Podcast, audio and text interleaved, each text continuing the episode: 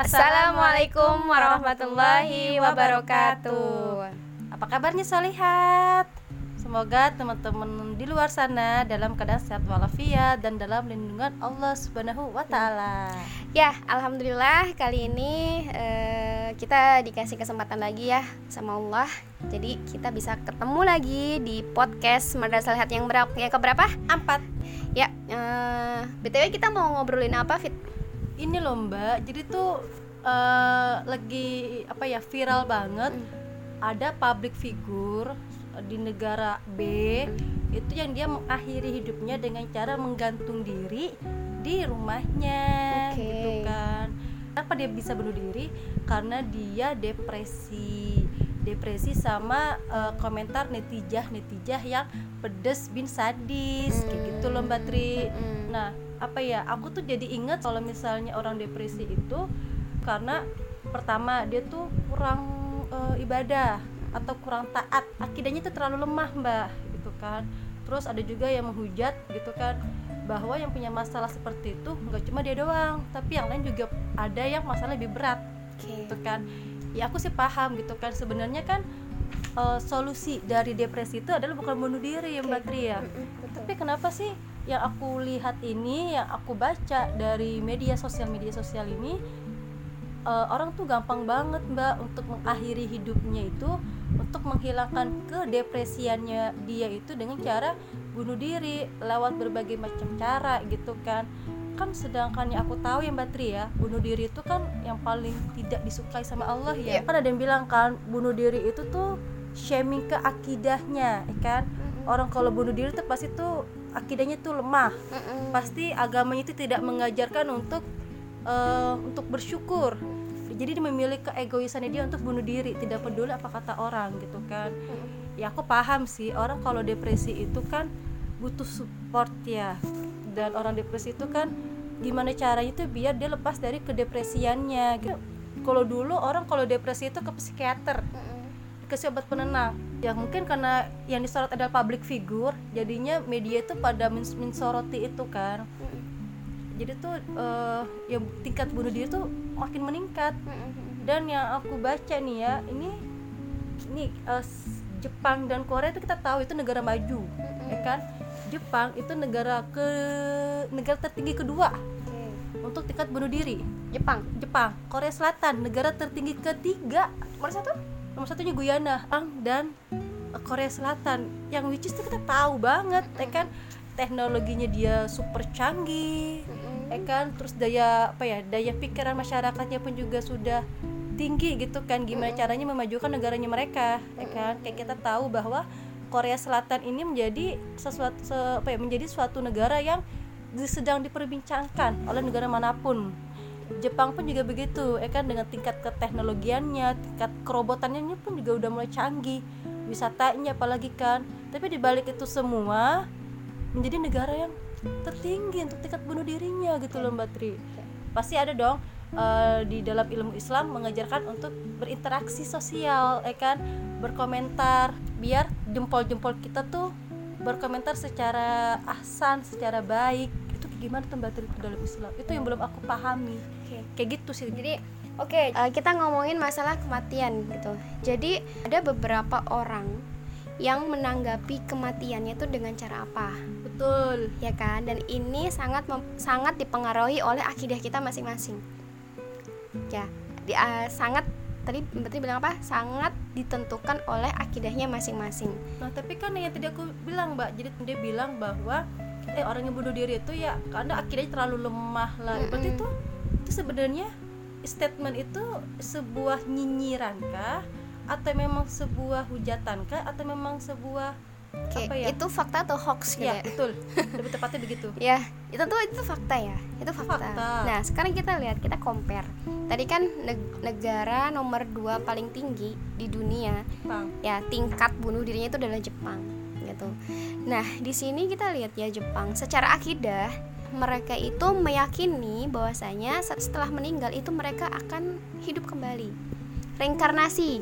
Yeah. Nah, mereka mereka taunya setelah mati itu akan dihidupkan kembali, ditentukan oleh uh, apa ya tingkah laku mereka sebelum mereka meninggal. kalau mereka sudah menjadi orang baik bisa jadi nanti hidup menjadi orang yang lebih baik, baik gitu kalau misalnya uh, dia sebelum uh, meninggal itu dia itu bukan orang yang baik maka bisa jadi dihidupkan kembali jadi hewan jadi tumbuhan gitu kan ya ini kan adalah masalah konsep akidah mereka gitu. Begitupun dengan negara Korea itu di bawahnya tadi adalah Korea karena Jepang dan Korea ini satu rumpun. Nah, mereka berasal dari uh, suku yang sama, berasal dari etnis yang sama dan ya itu satu rumpun itu gitu. Jadi secara akidah pun mereka hampir sama gitu. Terus kemudian uh, kita pernah menemukan gak sih orang muslim yang bunuh diri? Ada, ada.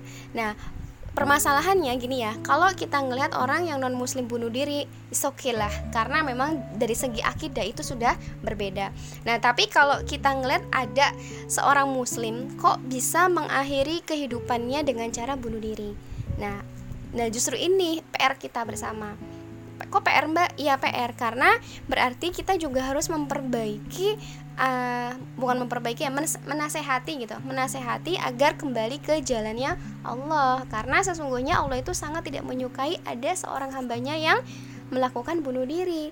Nah apa itu termasuk menyalahi uh, takdirnya Allah? Uh, tentu tidak gitu. Karena apa? Yang namanya ajal itu adalah kodonya Allah ketetapannya Allah. Nah terus tapi caranya dia meninggal itu adalah pilihannya dia. Dan yang akan dihisap itu adalah caranya dia ketika meninggal. Toh ketika dia bunuh diri dan yang pada akhirnya dia meninggal itu atas izin Allah. Gitu. Nah sebenarnya akidah tuh sepenting apa sih kak? Uh, Fit? Penting banget. Karena apa? Akidah itu adalah masalah apa? Masalah dasar. Dan sampai kalau Mbak Tri itu sering bilang uh, akidah itu seperti akar seperti akar akar pohon gitu kan ya coba mungkin nggak nggak ada akar tapi tumbuhan bisa hidup no terus kalau ada yang uh, apa ya uh, bercocok tanam dengan cara stek batang dengan cara ovulasi itu gimana kak tapi kan tetap aja lah dari stek batang nanti dari batang itu akan tumbuh, akan tumbuh akar. akar. Oke, jadi ya stek batang, ovulasi itu adalah cara cara menanam gitu kan cara menanam pohon yang pada akhirnya juga uh, pada awalnya itu akan tumbuh serabut-serabut akar baik baik itu tunggang atau serabut, serabut. ya tetap jadi ya, akar itu adalah uh, sesuatu yang sangat krusial nah dari akar ini akan menumbuhkan batang yang kokoh terus kemudian berikut dengan ranting-rantingnya dan ada daun yang rimbun yang akan yang akan menghasilkan buah bunga dulu ya sebelum buah. Bunga yang enak dipandang mata belum lagi wanginya terus kemudian dari bunga ini muncullah buah. Dan buah ini akan yang uh, apa ya yang yang diharapkan menjadi sesuatu yang bermanfaat buat orang lain gitu. Berawal dari mana? Dari akar. Akidahnya kuat dia akan bisa berinteraksi dengan orang dia akan bisa menahan nafsunya dia. Dia akan bisa uh, mengontrol dirinya sendiri nafsiahnya dia gitu kan. Terus kemudian akan akan menjulang akan tumbuhlah sebuah akhlak-akhlak yang bagus yang bagus yang bagus yang pada akhirnya dia bermanfaat buat orang lain gitu. Jadi akidah akidah ini sangat krusial sangat penting tuh nah akidah dalam Islam itu apa sih? Rukun iman. Iman kepada Allah iman kepada malaikat Allah kitab Allah nabi dan rasul Allah terus kemudian hari kiamat dan kodo dan kodar gitu. Nah terkait dengan kematian sebenarnya dalam Islam sendiri mati itu apa sih? Mati. Jadi sebenarnya secara uh, secara bahasa kematian itu atau al maut itu adalah did al hayah lawan dari kehidupan. Menurut para ulama kematian itu adalah terputus dari segi bahasa ya terputus terpisah bercerai berubah kondisi serta berpindah dari suatu alam ke alam lain. Oke, oke, ya. berarti aku rasa ini semuanya juga paham lah ya yang namanya mati pasti berpisahnya antara tubuh dan roh. Jiwa. Pertama, mm -mm. kedua berpindahnya apa ya uh, kehidupan mm -mm. kehidupan dunia dan kehidupan di alam kubur mm -mm. aku pasti uh, aku sih yakin teman-teman pasti paham itu pasti sama lah ya ya dan tapi yang harus kita uh, garis bawahi ini gitu. Jadi uh, yang namanya mati itu bukan sekedar terpisahnya jasad dengan ruh tapi ini ada perpindahan alam dari dunia ke alam lain. Gitu. Jadi setelah dunia itu kita ke mana? Alam barza.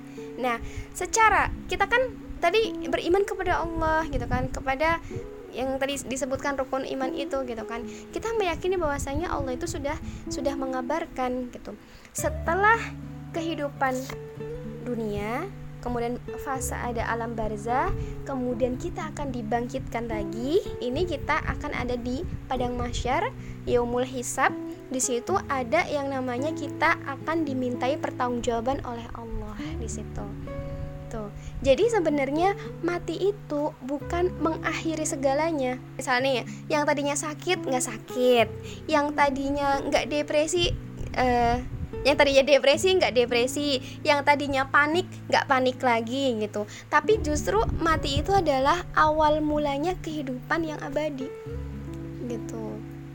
Kan dunia itu sementara. Betul ya kan? Dunia sementara. Kata kata Allah dan Rasulnya bahwasanya seorang muslim manusia itu di dunia itu seperti lagi apa ya? Lagi bersinggah atau lagi berteduh di sebuah pohon yang rindang kita tuh hanya seorang musafir saja. Terus kemudian kita akan melanjutkan perjalanan. Perjalanan kita itu sangat panjang. Perjalanan kita itu nanti ujungnya itu adalah kalau nggak surga ya neraka. Gitu. Nah jelas. Jadi kalau misalnya ada orang yang berpikiran uh, kayaknya ujiannya nggak selesai-selesai kenapa sakitnya nggak sembuh-sembuh gitu. Terus yang lucu lagi ya ada remaja yang bunuh diri gara-gara putus cinta. Ya keles. Ya itu kan lucu gitu kan. Apa dia nggak takut? Sebenarnya seorang muslim itu ketika uh, menghadapi kematian dapat dua kebaikan. Maksudnya apa? Bagaimana seseorang memandang kematian itu senang itu harusnya senang ya memandang kematian ya. Senang kan kita kembali. Ya karena kita kembali ke, ke Allah. ke Allah gitu. Logikanya aja lah Kak Vita. Coba kalau pas waktu sekolah. Gurunya nggak ada. Alhamdulillah. Pulang. Terus kuliah. Dosennya nggak masuk. Alhamdulillah. Pulang. Kerja mati lampu berhari-hari. Pulang gitu. Senang. Magabut nah terus giliran giliran kalau ditanya udah siap pulang ke Allah nah itu dia Nah, sebenarnya ketidaksiapan kita pulang itu gara-gara apa? Gara-gara kita selalu bermaksiat. Gitu. Nah, terus pertanyaannya kalau ada orang yang bunuh diri gara-gara pacaran, gara-gara putus cinta. Ya Allah, dia mengakhiri hidupnya bertemu dengan Allah gara-gara dia maksiat. Soalnya harusnya uh, yang namanya kematian itu seseorang itu harusnya senang gitu kan ya karena apa yang pertama bertemu dengan Allah. Terus yang kedua itu panen amal ibadah di dunia. Panen ya. Ya, panen ibadah di dunia. Dan ketika ada orang yang sudah meninggal, di kita ngomong lagi uh, lagi ngomong di uh, pemikiran secara Islam ya. Maksudnya yeah. dari sudut pandang Islam itu sih sebenarnya yang aku butuhin tuh kayak gitu uh -uh. gitu kan karena kan apa ya aku tuh bingung gitu loh mbak sama uh, ada beberapa ya ada ada beberapa statement kayak jangan menghujat dia dia tuh uh -uh. sudah tenang di alam sana kan? Uh -uh. kita harus belajar dari kematian si public figure ini uh -uh. ya kan? Bahwa apa ya um, orang tuh bisa memutuskan untuk bunuh diri karena hujatan dari netizen netizen gitu kan? Tapi tuh aku bingung gitu kan? Masa iya sedepresi itu kan dia gitu kan? Kan kita hidup di sini itu ya selain untuk beribadah kan juga untuk menebarkan kebaikan ya kan? Bermanfaat bagi orang lain. Gitu. Tapi ya ya itulah mungkin ya pertama mungkin akidahnya kali ya iya. yang kurang kuat ya kan? Bukan kayaknya memang iya. Betul. Itu adalah sesuatu kepastian itu satu pasti akidahnya yang kurang kuat atau mungkin lebih tepatnya dia belum menemukan Tuhannya bisa jadi yeah. kan? Karena kan yang aku tahu si public figure ini sudah menceritakan mbak ke kerabat dekatnya bahwa dia tuh mengalami Tapi depresi. solusi. ya dia nggak dapat solusi karena kan ibaratnya kayak dia gini loh mbak. Kita tuh sedang kita tuh sedang tersesat. Kita berada di jalan kegelapan. Tapi kita nanya kita nanya sama orang yang lagi tersesat juga gitu kan. Tapi yang aku nggak habis pikir adalah dengan statement yang lu uh, lu jangan menghujat dia karena akidahnya yang nggak kuat. Itu harus kasih uh, apa ya efek-efek positif gitu loh dari dianya. Kita tuh kalau ada orang cerita tentang depresinya itu jangan kita uh, membalas dengan masalah seperti kami itu masalah kecil masih banyak masalah-masalah yang lebih besar daripada kamu misalnya atau mungkin kayak yang sabar ya ini ujian dari Tuhan. Ya, itu kan kayak ya kita sebagai orang yang tidak mengalami depresi seperti itu kita cuma bisa memberikan komentar-komentar itu ya gitu kan.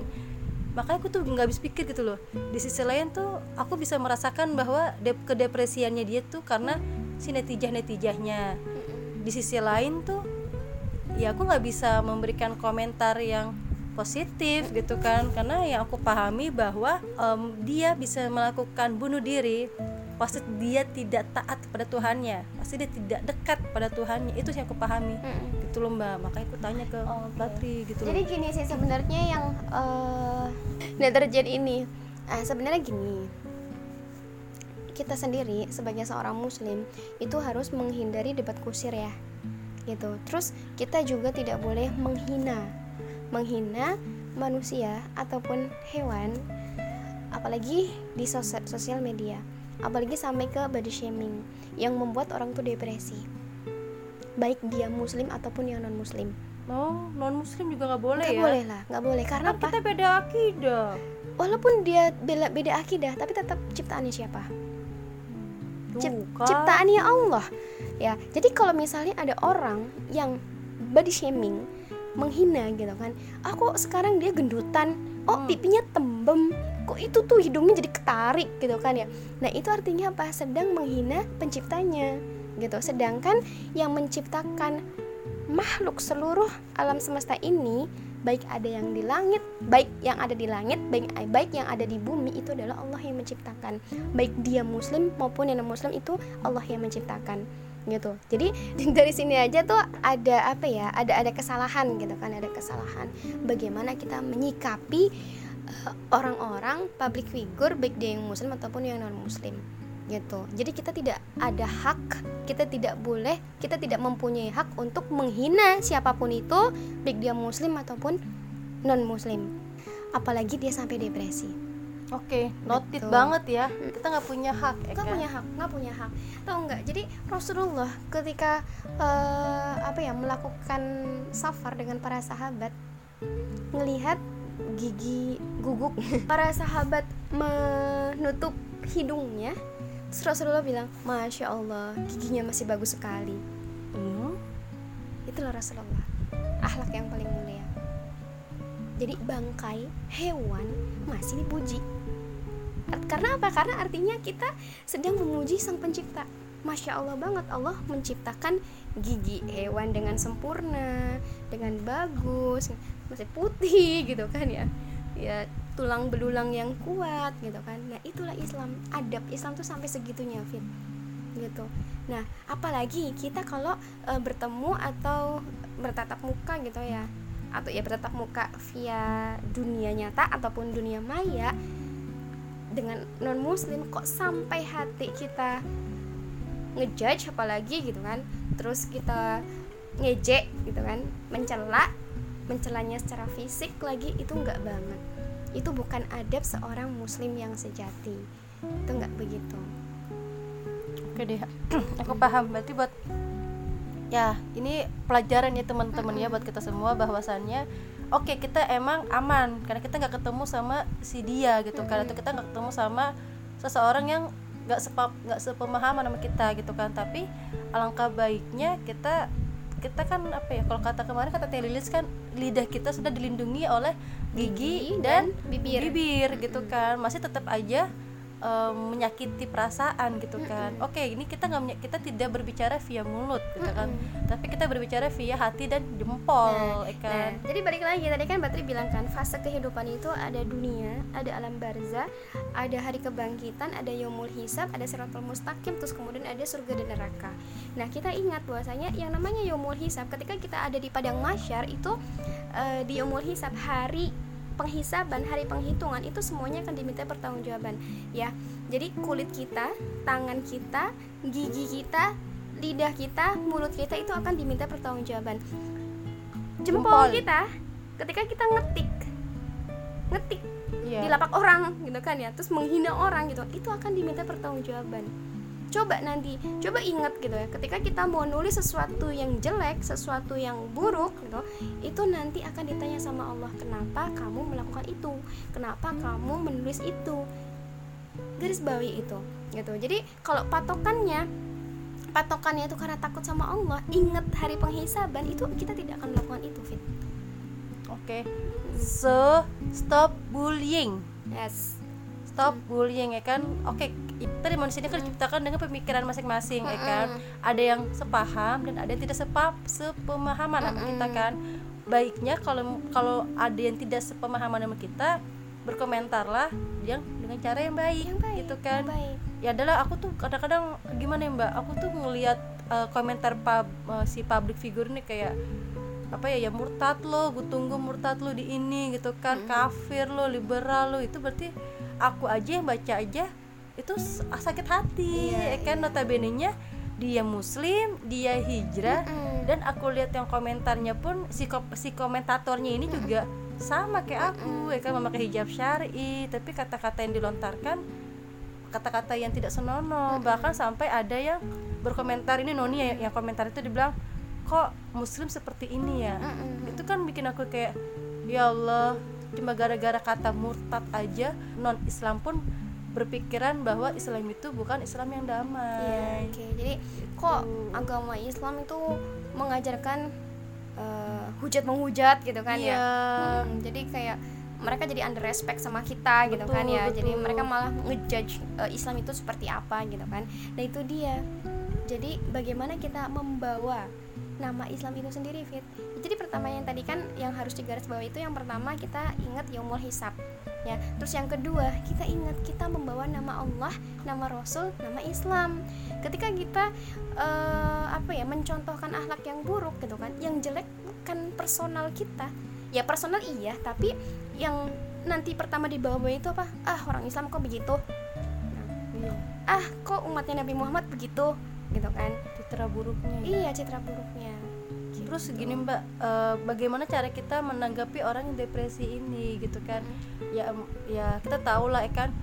Uh, komentar para si deterjen ini kan sadis bin pedes ya. Terus cara kita menanggapi seperti apa gitu kan? Cara kita memberikan apa ya toxic positivity-nya ke seseorang itu bagaimana?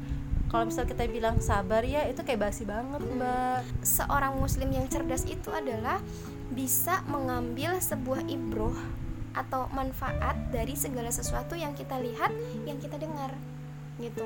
Nah, jadi kalau misalnya ada e, kita melihat kejadian seperti ini, kita langsung muhasabah diri. Kita muhasabah diri e, apa ya? Yang pertama muhasabah diri, oh masya Allah gitu kan.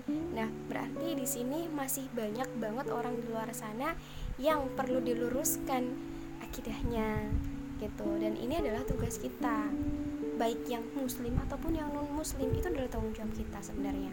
Bagaimana bagaimana mungkin mereka bisa mengenal Allah gitu kan? Kan kasihan banget orang yang seperti ini gitu kan?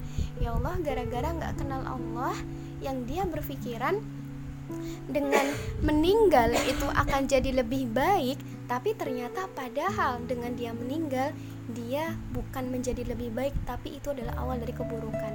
Karena apa? Yang pertama dia meninggal dalam keadaan kafir ya kan? Yang kedua yang dia berharap akan menjadi lebih baik ternyata bukan kebaikan yang dia dapatkan tapi adalah keburukan. Gitu. Jadi kalau saya pribadi gitu kalau melihat postingan kayak gini ya nggak komen. Kecuali yang meninggal itu adalah orang muslim mungkin kita bisa berbela sungkawa situ innalillahi wa inna ilaihi rojiun terus kalau misalnya ada teman kita yang sedang depresi apa yang apa ya saran komentar atau sugesti apa yang, yang perlu kita kasih mbak oke okay. jadi kalau depresi nih iya. yang pertama dicari tahu dulu dia itu depresinya karena apa tuh nah dari sini baru kita bisa ngasih solusi Tuh, coba contoh deh contoh uh, mungkin ada teman kita yang depresi tuh gara-gara apa nggak nikah Astagfirullahaladzim Tapi saya nggak pernah dengar sih ada orang meninggal gara-gara belum nikah Galau gara-gara Enggak. Jangan sampai Mbak ya. Ini nunggu belum ya. Betul. Jangan sampai. Uh, yang sampai depresi banget deh. Kenapa? Ini bully. Ya, itu kalau di negara Korea ya. Kalau kalau di Indonesia tuh paling nih aku tuh tuh depresi karena hutang. Oh, hutang. Ya, oke. Okay. Jadi gini, kalau misalnya ada orang yang depresi gara-gara hutang. Betul. Hutangnya di mana nih? Hutang di bank, nah. di rentenir, itu sering banget aku nah. tuh baca banget berita kayak gitu. Nah, ini kalau ada kasus kayak gini, kalau aku kalau aku ya, aku pribadi, itu aku langsung kesempatan banget nih buat ngasih tahu riba itu haram. Iya, tapi ya dengan cara yang soft, dengan cara yang halus gitu. Nah, kita ngasih tahu nih pelan-pelan kalau uh, hukum riba itu kayak apa? Riba itu menghancurkan riba itu membinasakan. Yang ada uh, apa namanya bukannya dia itu menjadi lebih baik tapi dia menjadi lebih buruk gitu. Jadi contoh ya kemarin tuh ada yang apa namanya ada yang curhat ke saya gitu. Kalau ayahnya itu ada hutang di bank buat usaha dan ternyata usahanya gagal ya usahanya gagal terus peralatannya sudah mulai habis dijual-jual gitu. Hutangnya masih nggak? Masih lah. Masih. Jadi laba nggak dapat hutang tetap bayar bunga iya. Gitu. Itu kan adalah ada adalah contoh membinasakan gitu. Dan apa sih namanya siksaan teringan untuk orang untuk orang yang makan harta riba dan melakukan riba itu apa? Oh, seperti bersetubuh dengan ibunya atau orang tuanya. Yes, gitu. Tuh, dibangkitkan dibang, diba, akan dibangkitkan seperti orang gila atau zombie. Orang gila kalau salah. ya. Nah, jadi kita ngasih tahu nih, ngasih tahu kalau orang yang kena hutang ini gimana caranya dong biar selesai gitu kan. Ya, pertama pertama kita menyarankan orang tersebut itu agar taubat nasuha gitu. Mengaku salah kepada Allah. Mengaku salah. Kadang kan kita terlalu menuntut ya kepada Allah ya. Ya Allah kenapa masalahku banyak? Ya Allah kenapa uh, aku begini? Kenapa aku miskin terus? Ya Allah kenapa uh, aku kok nggak nikah nikah gitu kan? Tanpa hmm. tanpa kita tuh berpikir flashback gitu kan ya. Apa yang sudah kita lakukan kita tuh sudah ngapain aja? Kan kayak misalnya kok aku kok kayaknya rizkinya nggak bertambah-tambah. Ternyata harta yang dia makan itu adalah harta riba. Bagaimana Allah melipat gandakan rezekinya kalau dia bermaksiat kepada Allah? Gitu. Terus uh, kenapa belum nikah nikah gitu kan? Kita introspeksi diri gitu. Apakah ilmu kita sudah cukup? Apakah fisik kita sudah cukup? Sudah sudah uh, apa ya? Uh, sudah siap gitu nah itu kan semua itu semua itu kan butuh kepercayaan ya. Kita percaya kepada Allah. Ma bukan malah kita ngejudge ke Allah. Gitu. Jadi yang pertama itu tobat nah suha jadi tobat sebenar-benarnya dan mengaku salah kepada Allah. Ingat rahmat Allah itu sangat luas. Rahmat Allah itu begitu luas. Ampunan Allah itu sangat luas. Gitu. Jangan takut kalau Allah itu nggak mengabulkan doa kita nggak mendengarkan kita. Dan mau tahu nggak eh, waktu-waktu mustajab ketika berdoa? Tahajud ya pasti di sepertiga malam. Karena apa? Karena di sepertiga malam itu pertama suasananya tuh hening banget. Dan ketika sepertiga malam itu Allah turun ke langit bumi. Kata Allah apa? Mana hambaku? Siapa yang berdoa kepadaku aku akan kabulkan doanya terus terus kemudian apa? Setelah to tobat nasuha kita mendekatkan diri kepada Allah dan jangan lupa kita mencari lingkungan yang baik. Jadi nanti kalau kita nih ngomong yaudah yuk mm, ngajakin teman yang depresi ini ayo yuk mau ini nggak? Biar kamu tuh nggak benok biar kamu tuh nggak pusing aku ajakin kajian yuk. Gitu. Jadi menarik dia ke komunitas yang lebih baik agar apa? Agar semangat dia untuk mendekatkan diri kepada Allah itu tumbuh. Gitu. Tumbuh. Nah dari sini dia akan merasakan merah. Ya dari sini dia akan merasakan oh ternyata masih banyak masih ada orang yang peduli sama aku. Gitu. Dan di sini dia akan merasakan bagaimana maha penyayangnya Allah karena apa karena menghadirkan teman yang masih peduli dengan dia gitu penyakit depresi bisa mengakibatkan kita stres menimbulkan penyakit-penyakit yang baru seperti penyakit jantung, mah kronis, ginjal segala macam. Gimana caranya biar gak kena mental illness atau depresi? Atau ya pertama itu kayaknya ya kita mendekatkan diri kepada Allah, kita introspeksi diri, tempat nasuha segala macam gitu kan. Terus mungkin itu kali ya kayak komunitas, komunitas ya gitu. komunitas Jadi kita masuk ke lingkungan yang baik-baik gitu loh ya. gitu gitu. jadi ya, ya banyak kan ya, kayak yang aku tahu tuh ya kayak dulu pun aku juga kayak gitu kan mbak buat pelajaran aja sih buat teman-teman ini bukan yang membuka aib tapi kayak kayak seseorang itu dilihat dari lingkungannya ya kan gimana caranya biar kita healing the uh, mental illness karena kita tuh menyembuhkannya lewat ke klub malam kita minum minuman yang jelas-jelas tuh haram kayak wine kayak vodka gitu kan. Kamu tuh kan bagian dari hammer ya. Ya mereka tuh dengan pakai dengan dalil ya gue lagi stres gue lagi depresi. gitu ya?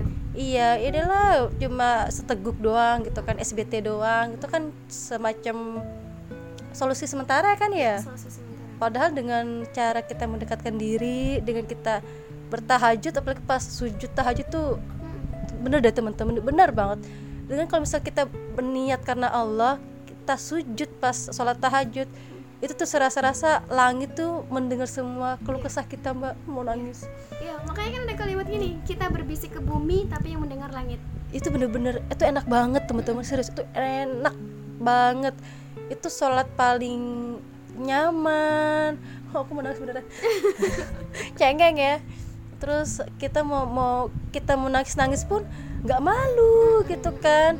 Terus kita mau cerita ya kita nggak tahu sih mungkin kalau aku tuh dulu pas tahajud tuh aku cerita dengan bahasa bahasa sepengertian aku gitu kan. Bukan bahasa Arab yang aku juga kadang-kadang nggak ngerti gitu kan. Baca kayak ya Allah aku sedang dalam keadaan tersesat beri aku petunjuk segala macem gitu kan. Itu enak banget gitu kan. Nah ini solusi yang seperti ini loh yang kadang-kadang dilupakan yeah. gitu kan ya sholat itu cuma sebatas apa ya kayak hubungan kita sama Tuhan aja lah yang cuma kayak lima waktu aja. Tahajud duha terus sholat sholat sunnah lain itu malah dilupain gitu kan. Dan itu interaksi sosialnya itu uh, bagian dari kita men, apa ya pergi ke kajian gitu kan. Kalau misal kita bertemu dengan orang-orang baik dan kita pun bakal menempatkan diri kita ke, di orang-orang yang baik pula gitu kan. Toh kita nggak bisa berekspektasi besar pada saran temen-temennya. Tapi kita bisa berekspektasi besar pada Allah. Benar nggak sih? Ya kan misalnya kayak misal maaf nih kita ditinggal meninggal sama kedua orang tua kita. Palingan saran-saran dari teman-teman kayak sabar ya nanti uh, kita kita di sisi kamu kok sabar ya pasti uh, orang tua kamu tuh dia uh, dalam keadaan tenang dalam dilapangkan kuburannya ya. Ya ujung-ujungnya sebenarnya sih sabar tapi kalau misalnya kita mengadu kepada Allah terus kita bermuhasabah diri kita baca Quran pasti dapat ketenangan hati benar. Di luar sana yang semoga uh, apa ya bisa sembuh dari mental illness ini gitu kan. Dan semoga teman-teman juga yang mengalami yang pernah mengalami atau yang pernah bertemu dengan teman-teman yang sedang depresi atau stres juga coba uh, ditawarkan solusi seperti itu. betul ditawarkan solusi seperti ini gitu kan. Jangan cuma hanya berkata-kata aja tapi jangan cuma memeluk dia aja tapi kita berikan solusi yang sempurna gitu kan. Ya itulah karena kan hijrah itu nggak mungkin sendiri. Ya. hijrah sendiri tuh berat ya kan? Bukan rindu aja berat ya? Betul sih. Tuh. Berarti tuh Ustadz Hanan ya kalau nggak salah ya. Allah itu tuh online ya kan? Allah tuh sebenarnya ngeping kita lima kali tapi kita kadang-kadang kita cuma read doang teman-teman. Kalau kita kalau kita lebih peka ya kan sama pingnya Allah pasti tuh Allah tuh kayak ngasih sini loh aku tuh sebenarnya tuh kangen sama hamba-hambaku. Yeah. tapi mana hamba-hambaku tuh sibuk dengan mencari uang sibuk dengan deadline uh, deadline deadlinenya sibuk dengan ini sibuk dengan itu. Aku tuh pengen di chat sama kamu gitu kan.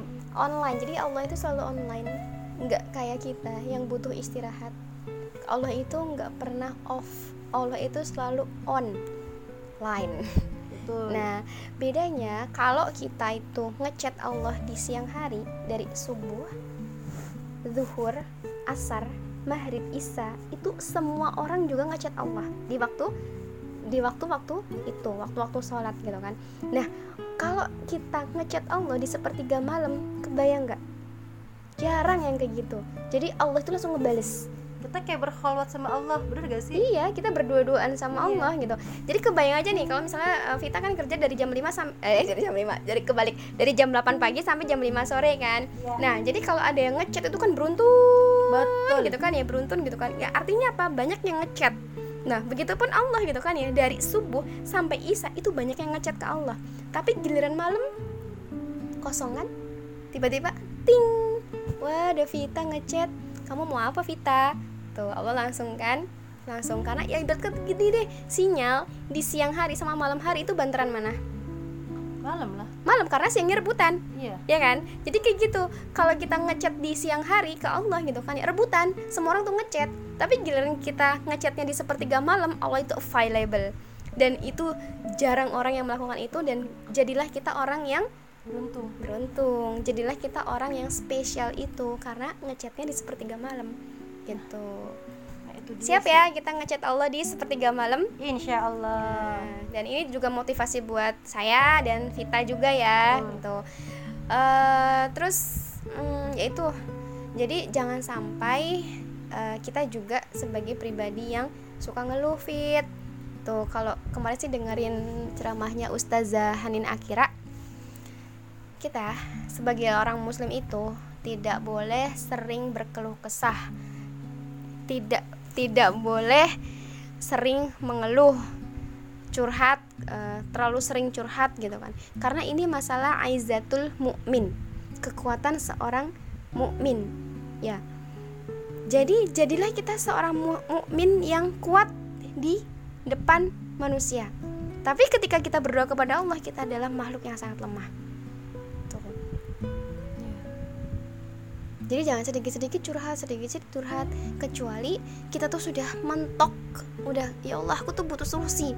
Nah carilah orang yang bisa ngasih solusi. Kayak misalnya guru ngaji kita atau ya ustadz kita, ustazah kita gitu kan. Itu datangilah mereka dengan harapan apa? Kita mendapatkan solusi.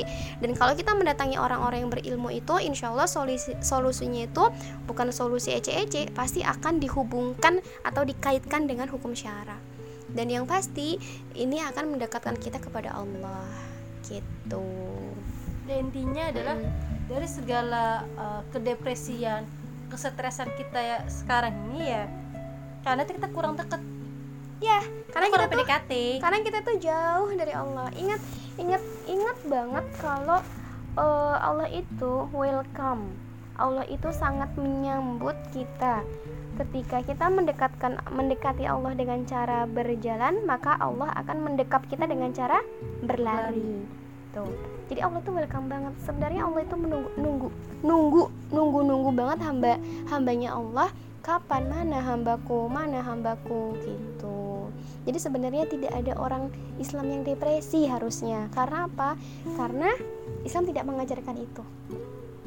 Kalau kita berpikir kok ujianku nggak selesai-selesai ya? Karena memang Allah itu menciptakan manusia di dunia untuk apa? Untuk beribadah kepada Allah. Dan kata Allah apa? Jangan dikira ketika ketika manusia sudah mengatakan beriman kepadaku, kalian tidak diuji. Nah, ujian ini itu untuk meningkatkan level kita. Level. Coba kita hmm, dari TK dari SD mau ke SMP ada ujian nggak? Ada lah Nah, kalau kita nggak lulus ujian, kita naik nggak ke SMP? Ya, enggak lah. Enggak. Nah, jadi adanya ujian ini untuk meningkatkan level kita. Tuh, kalau dan uh, dan Allah itu berjanji bahwasanya tidaklah aku memberikan ujian di luar kemampuan hambaku. Allah tahu kemampuan kita itu sampai mana. Jadi kalau kita di, dikasih ujian sama Allah, berasa berat banget, datang ke Allah. Ya Allah, kuatkanlah hamba Ya Allah, berikanlah kekuatan. Ya Allah, tidak ada yang tidak mungkin. Engkau memberikan ujian ini bukan lain, bukan tidak karena Engkau karena engkau ini tahu banget hamba mampu maka kuatkanlah bantulah hamba untuk bersabar bantulah hamba untuk semakin dekat kepada engkau ya Allah gitu dan berharap dengan kesabaran ini dengan ketakwaan ini hamba bertemu dengan Allah dalam keadaan tersenyum. Dan Allah pun tersenyum kepada kita. Dan sangat berharap nanti di surga ketemu dengan Nabi Muhammad SAW dan para nabi dan dengan para nabi yang lainnya. Gitu. Jadi jangan merasa kita itu uh, apalagi apalagi ngerasa uh, waduh ujiannya banyak kayaknya Allah itu benci banget deh sama saya. Tidak. Allah tidak pernah membenci hambanya. Yang ada hambanya itu tidak mau mendekati Allah gitu. Jadi Allah itu ketika ketika pun Allah murka rahmat Allah itu sangat luas pengampun pengampunan Allah itu sangat luas gitu. Jadi kita jangan pernah berputus asa jangan pernah berkecil hati gitu dengan segala ujian yang ada ini gitu. Gitu sih jadi jadi permasalahan kenapa banyak yang bunuh diri karena merasa ujiannya tuh paling berat. Paling berat kayaknya nggak selesai selesai gitu kan. Ya karena memang dunia itu tempatnya berlelah ya, itu tempat berlelah karena istirahatnya seorang muslim itu adalah di surga.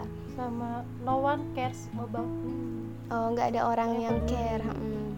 Sih ya sebenarnya care tapi tergantung orangnya juga kan uh -uh. nah jadi kok masalah care dan tidak care itu Islam juga mengajarkan fit gitu iya balik lagi yang tadi kita bahas tadi iya. gitu jadi kita memang harus care dengan orang Sama di sekitar ya? kita iya. iya jadi bukan bukan cuma sekedar muslim tapi juga non muslim juga kita tetap care semoga hmm. podcast kita ini tuh bisa mencerahkan teman-teman dan melalui podcast ini tuh teman-teman juga bisa mencerahkan ke teman-teman yang lain gitu kan di saat dia galau dia depresi dia sedang stres dia sedang pengen sendiri itu menjadi ladang ladang dakwahnya teman-teman bahwa itu sedang merasa jauh dia merasa jauh kepada Allah dan itu tugas kita untuk mendekatkan lagi bahwa jangan jauh-jauh lah nanti tersesat gitu kan dan bentuk kepedulian kita kepada dia kayak gitu sih. Udah mungkin itu aja kali mbak ya yang podcast kita kali ini gitu kan semoga ya itu semoga mencerahkan semoga bermanfaat pun kalau misalnya ada kritik dan saran bisa di DM kita di Instagram di Madrasah Solihat. Solihat. Karena mau gimana pun kita tetap manusia yang penuh dengan salah dan dosa yang bateri ya, ya kan? Karena kesempurnaan, kebenaran itu hanya milik Allah, bukan milik aku ataupun bateri. Gitu. Jangan merasa paling benar ya kan? Yang maha benar itu Allah dan kita hanya seorang hamba hamba yang mencari ilmu. Dan dari kita assalamualaikum warahmatullahi wabarakatuh. See you Bye. next